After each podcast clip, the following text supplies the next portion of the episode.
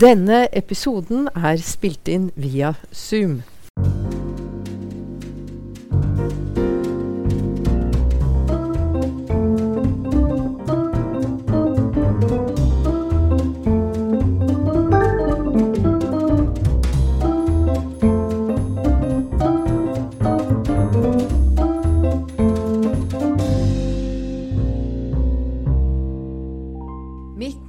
Er Berit Reiss-Andersen, og jeg er programleder for Advokatforeningens podkast Fri prosedyre.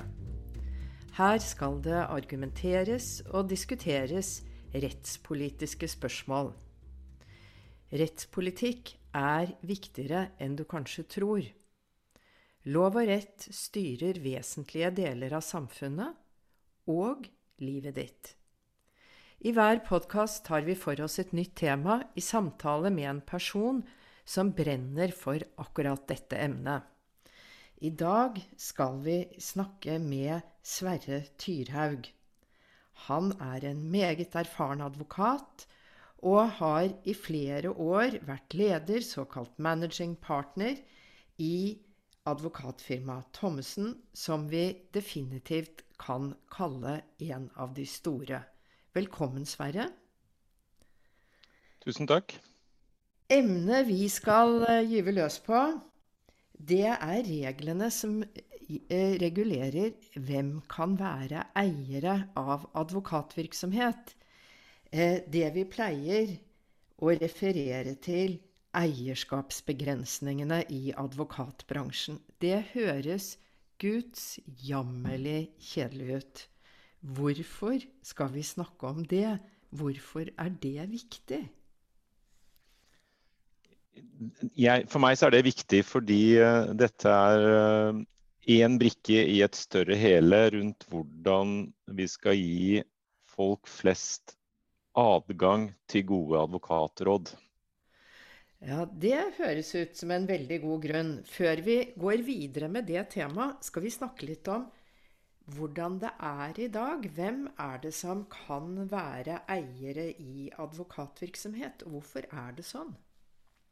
Nei, I dag er det jo sånn at det er jo de som jobber i virksomheten som kan være eiere, og, og i praksis sånn at det er jo da advokater selv som eier virksomheten.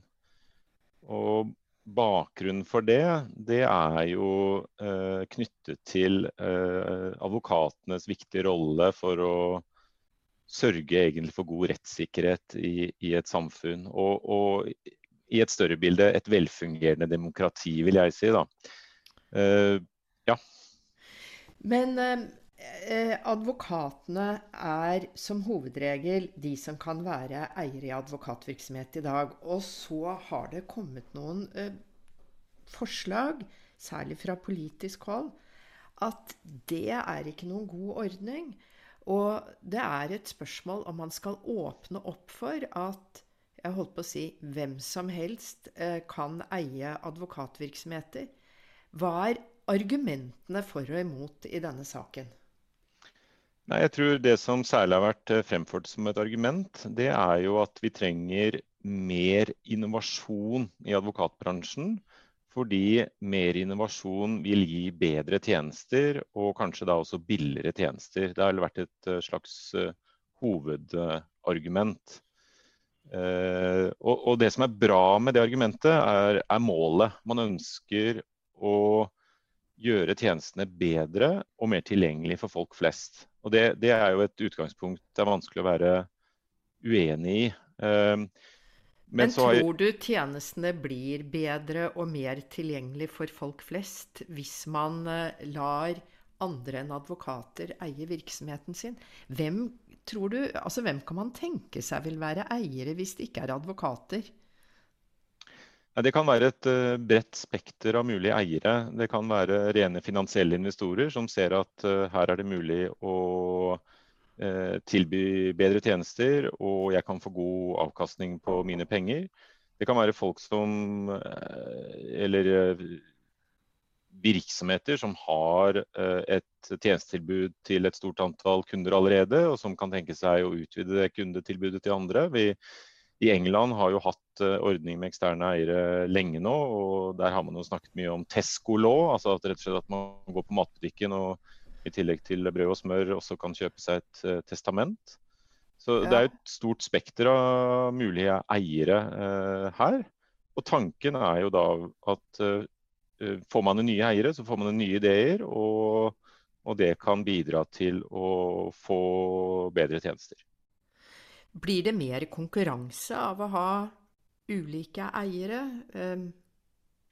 av advokatvirksomhet? Ja, jeg har vel uttalt noe lignende før, og uten at det var som en del i denne debatten. Men det er vanskelig å, å argumentere hardt for at en liberalisering medfører det motsatte, i hvert fall. Altså at uh, det skulle redusere konkurransen. Men det er jo én viktig ting som mangler her, og det er jo uh, uh, si, er konkurransen for lav i dag? Skjer det for lite innovasjon i dag? Og Det er et av de temaene jeg har engasjert meg i. altså det at et, øh, Og vil dette virkelig hjelpe? ikke sant? Og, ja, Fortell om dine tanker om det. Ja, der er, jeg, der er jeg mye mer i tvil. For, for sånn Læreboksmessig så kan man si at øh, øk, øh, hvis man tillater flere å bli eiere, så vil man få flere inn og, og muligens økt konkurranse. Men det er ikke så enkelt, tror jeg. fordi at rett og slett eh, det skjer veldig mye innovasjon i advokatbransjen. Og mye av grunnen til den innovasjonen er jo at konkurransen allerede er veldig sterk i advokatbransjen. Det er en veldig sterk konkurranse i advokatbransjen uansett hvor i det markedet man er. Altså er man Advokatbransjen er en stor bransje. Det går fra globale, enorme advokatkontorer, i hvert fall relativt enorme, med tusenvis av advokater, til eh, kan du si, eh, småbyadvokatene med én advokat og en fullmektig, eller én advokat alene, strafferettsadvokater osv. Det er et stort og mangfoldig marked. Men jeg er ganske trygg på at alle de, uavhengig av hvor man er i det markedet, så opplever man eh, veldig hard konkurranse. Eh, og dermed et behov for hele tiden å utvikle produktet. Gjøre det bedre, gjøre det billigere, gjøre det, gjør det mer tilgjengelig og, og, og bra da, for, for sluttkunden. Men så er det vel kanskje også slik at alle advokater konkurrerer ikke om de samme klientene. Du f.eks.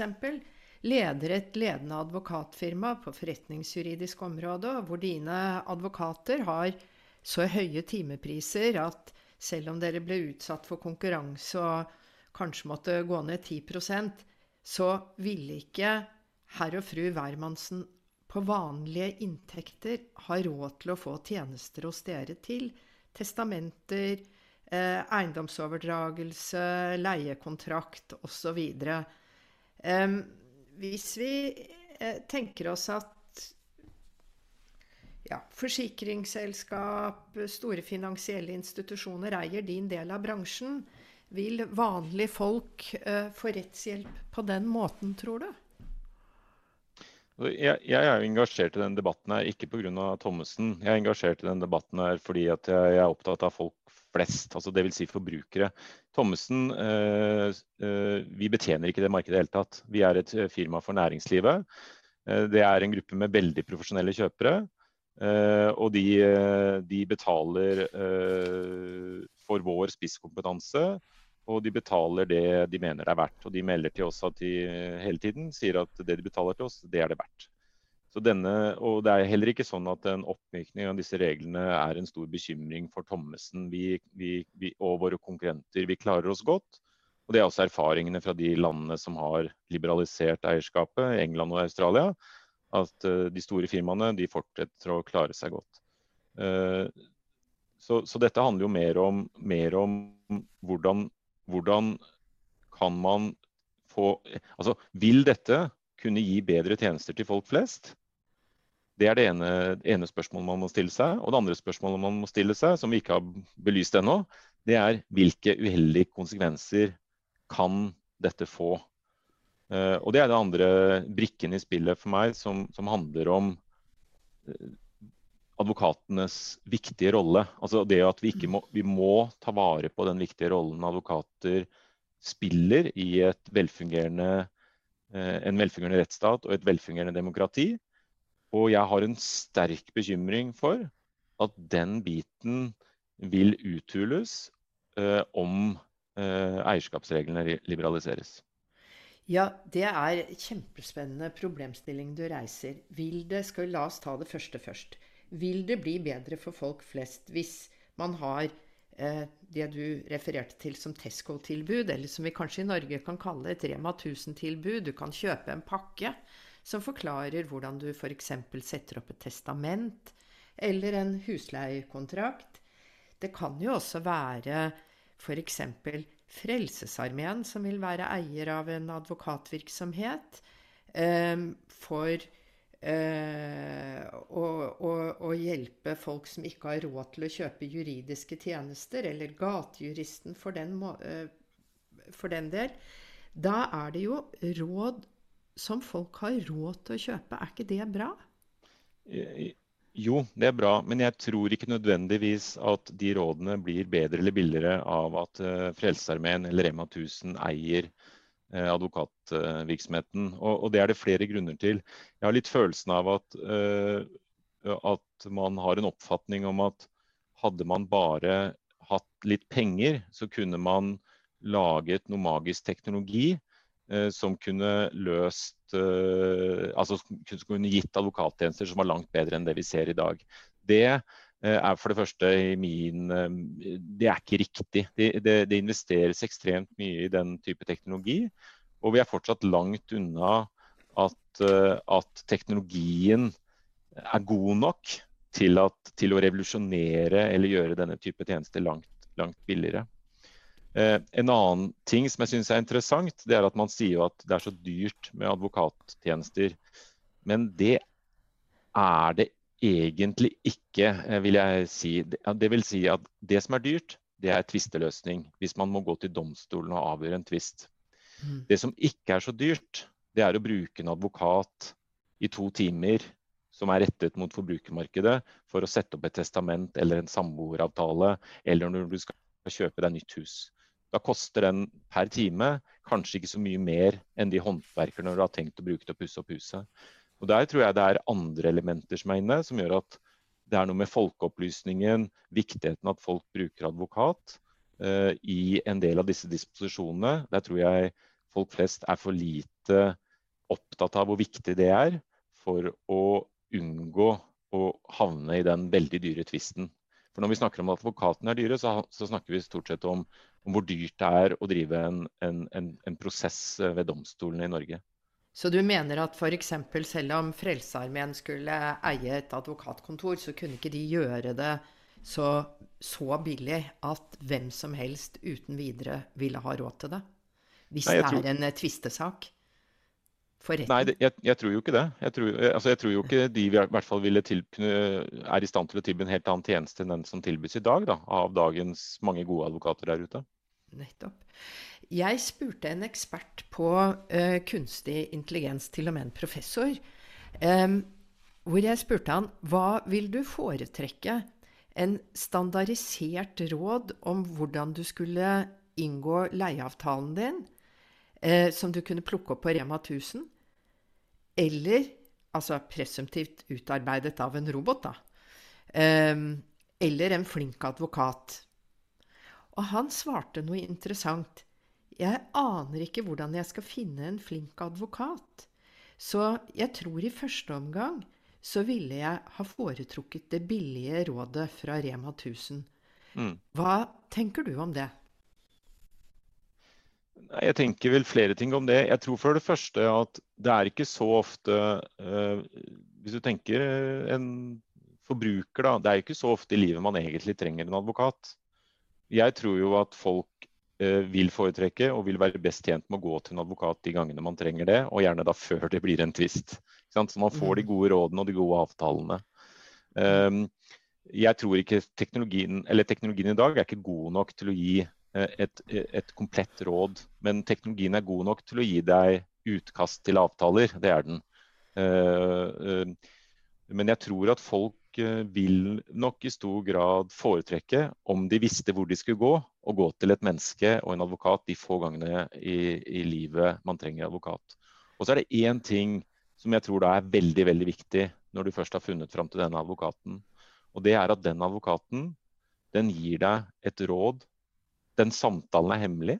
Altså den er fortrolig. Den er bare mellom deg og advokaten. Myndighetene eh, kan ikke få vite om den. Eh, eh, kommersielle interesser kan ikke få vite om den. Facebook kan ikke få vite om den, for å si det sånn. Eh, du vet den, og du vet videre at den advokaten gir deg det beste rådet hun kan gi deg. Det er et råd som er til deg personlig. Dette er det beste rådet jeg kan gi deg. Det er ikke preget av noen andre interesser. Noen bakenforliggende interesser som du ikke kjenner til. De elementene der, dette med en, et uavhengig råd og et råd som er fortrolig, dvs. Si at du kan si alt akkurat som du er, akkurat som du er hos legen, det er ekstremt viktig når man møter den advokaten. Og Det er jo her min hovedbekymring er. Eh, altså, jeg har to ting. Én, jeg tror ikke at eksterne eiere vil kunne revolusjonere advokatbransjen og hvordan tjenestene leveres. Det, det, jo, det, kan man diskutere mye, men det jeg er ganske sikker på, det er at hvis man først liberaliserer, så vil vi down the road, for å bruke et uh, norsk uh, uttrykk, kunne angre på det vi slapp løs. Uh, vi kan ende med eierskap til advokatbransjen vi ikke klarer å ha effektivt tilsyn med, fordi eierne sitter i andre land eller er blitt for store, eller hva det skulle være. Og vi kan ende opp med at disse sentrale verdiene, som er så viktig for oss som samfunn, og som vi glemmer hele tiden hvor viktig de er, at vi ikke lenger tar vare på grunnprinsippene om at advokater er uavhengige. De har ingen interessekonflikter, og ikke minst advokaten er underlagt taushetsplikt. Og det vil si jeg har en fortrolighet til denne samtalen. Det er de siste tingen der som jeg er nervøs for i denne debatten. Jeg er ikke mm. nervøs for at Thommessen, eh, Thommessens posisjon. Jeg er, jeg er nervøs for Jørgen Hattemaker. Sverre, du snakker om advokatrollen så jeg virkelig blir varm om hjertet. Og jeg er så glad for å høre at du er en varm forsvarer for de verdiene. Men la oss også snakke litt om big business og rettsstaten. For du var inne på noe som er kjempeinteressant. La oss tenke oss at det er en global eier av advokatvirksomhet. Kan ikke du tegne ut et scenario om hvordan det kan bli hvis man slipper dette dyret løs, som du sa? Hvem er det, eh, hvilke eiertyper er det som vil bekymre deg mest? Uh, ja, det, det, er jo det som er det store spørsmålet her. fordi For meg så Jeg er ikke bekymret for om Rema 1000 nødvendigvis skulle eie advokatbransjen. Eh, men så blir Rema 1000 kjøpt av et annet system. Eh, eh, osv. osv. Det, det vi imidlertid ser for tiden, det er jo plattformøkonomi. Hvor du får disse veldig dominerende aktørene innen ulike segmenter. I noen på, eksempler. Jeg gir eksempler på Facebook, eh, Amazon, eh, Google, den type aktører som tar hele markeder. Eh, de har ekstreme ressurser, og de kan gå inn i hvilket marked de vil når de skulle ønske det. Eh, og professional services, som advokater på en måte er en del av, i hvert fall sånn i deres verden, eh, vil være et attraktivt marked man kan gjerne tenke seg at Facebook ønsker å gå inn i advokatverden. Man kan tenke seg at Google vil ønske det, og man kan tenke seg at Amazon kunne ønske det. Tror Også, du at denne type selskaper, hvis de har kjøpt opp et stort segment av advokatmarkedet, vil um, tillate at advokatene praktiserer sin rolle slik som du nettopp beskrev, uavhengig utelukkende til den enkelte klients beste, enten klienten er et selskap innenfor forretningshusen, eller om det er en enkeltperson? Jeg tror intensjonen inn i det vil være slik. Jeg tror at de vil jo måtte starte med å få advokater om bord. Og advokater, i hvert fall de fleste advokater jeg kjenner, har eh, en høy bevissthet rundt det, de grunnverdiene vi har snakket om. Dette med uavhengighet og fortrolighet og den type ting. Så Man vil starte der med den intensjonen. Men så tror jeg ting vil, vil kunne utvikle seg. Eh, og vi vet at veldig mye av dette drives av verdien på personopplysninger. Og de vil få veldig mye, bl.a. personopplysninger, som det vil være veldig fristende å utnytte kommersielt. Og så jeg, eh, og så vil de være vanskelig å holde tilsyn med. De det er vanskelig å diskvalifisere de også, fordi de er jo hederlige mennesker med, med god vandel, disse selskapene her. Eh, men det vil være vanskelig å holde tilsyn med de. Og så, jeg, er det det som er min store bekymring, det er at myndighetene vil føle at dette trenger vi innsyn i. Dette trenger vi innsyn i, for vi, vi, har mistet kontrollen her. Nå eies advokatbransjen av folk vi ikke kjenner, av virksomheter vi ikke kjenner, og av virksomheter som har tilhold i helt andre land. Vi trenger innsyn. Og da vil det komme et press på at Da vil det komme et press rundt taushetsplikten. Eh, og det vil komme et press rundt liksom, eh, rollen til advokaten. Og plutselig så er vi i en situasjon hvor advokaten rolle for å få til et velfungerende rettsstat har blitt uthulet og glemt. Og Det er vel det jeg er mest redd for. At, vi, at dette skjer gradvis eh, på en måte vi ikke har kontroll på. Og plutselig så, så, er vi et sted hvor man ikke lenger kan gå til en advokat i trygghet om at f.eks. Det, det, den samtalen er fortrolig.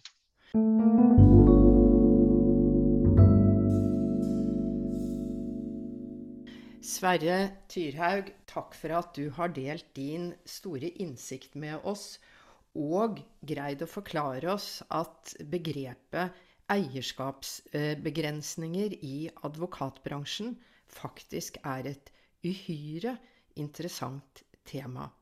Før vi går fra deg, så vil, vi, vil jeg gjerne spørre deg om du har til våre lyttere et ord eller en setning som eh, representerer noe betydningsfullt for deg. Ja, i, i disse, Jeg er preget, som veldig mange andre, av, av, de tidene vi er i. Jeg hadde lyst til å sitere Gandhi, og det er at uh, there is more to life than increasing its speed. Uh, jeg tenker at vi må, og dette er et eksempel på det, at vi noen ganger skal sette oss ned og tenke på det som er bra, og alt det fine vi har. Og ikke hele tiden jage, hele tiden jage videre. Jeg tror covid-19 har vært en fin tid for å reflektere over de tingene. Og at vi kanskje noen ganger har godt av å roe litt ned og løfte blikket og tenke på de store tingene. Så takk for uh, muligheten til å gjøre det sammen med deg her i dag, Berit. Tusen takk, og takk for at du delte Gandhis ord med oss.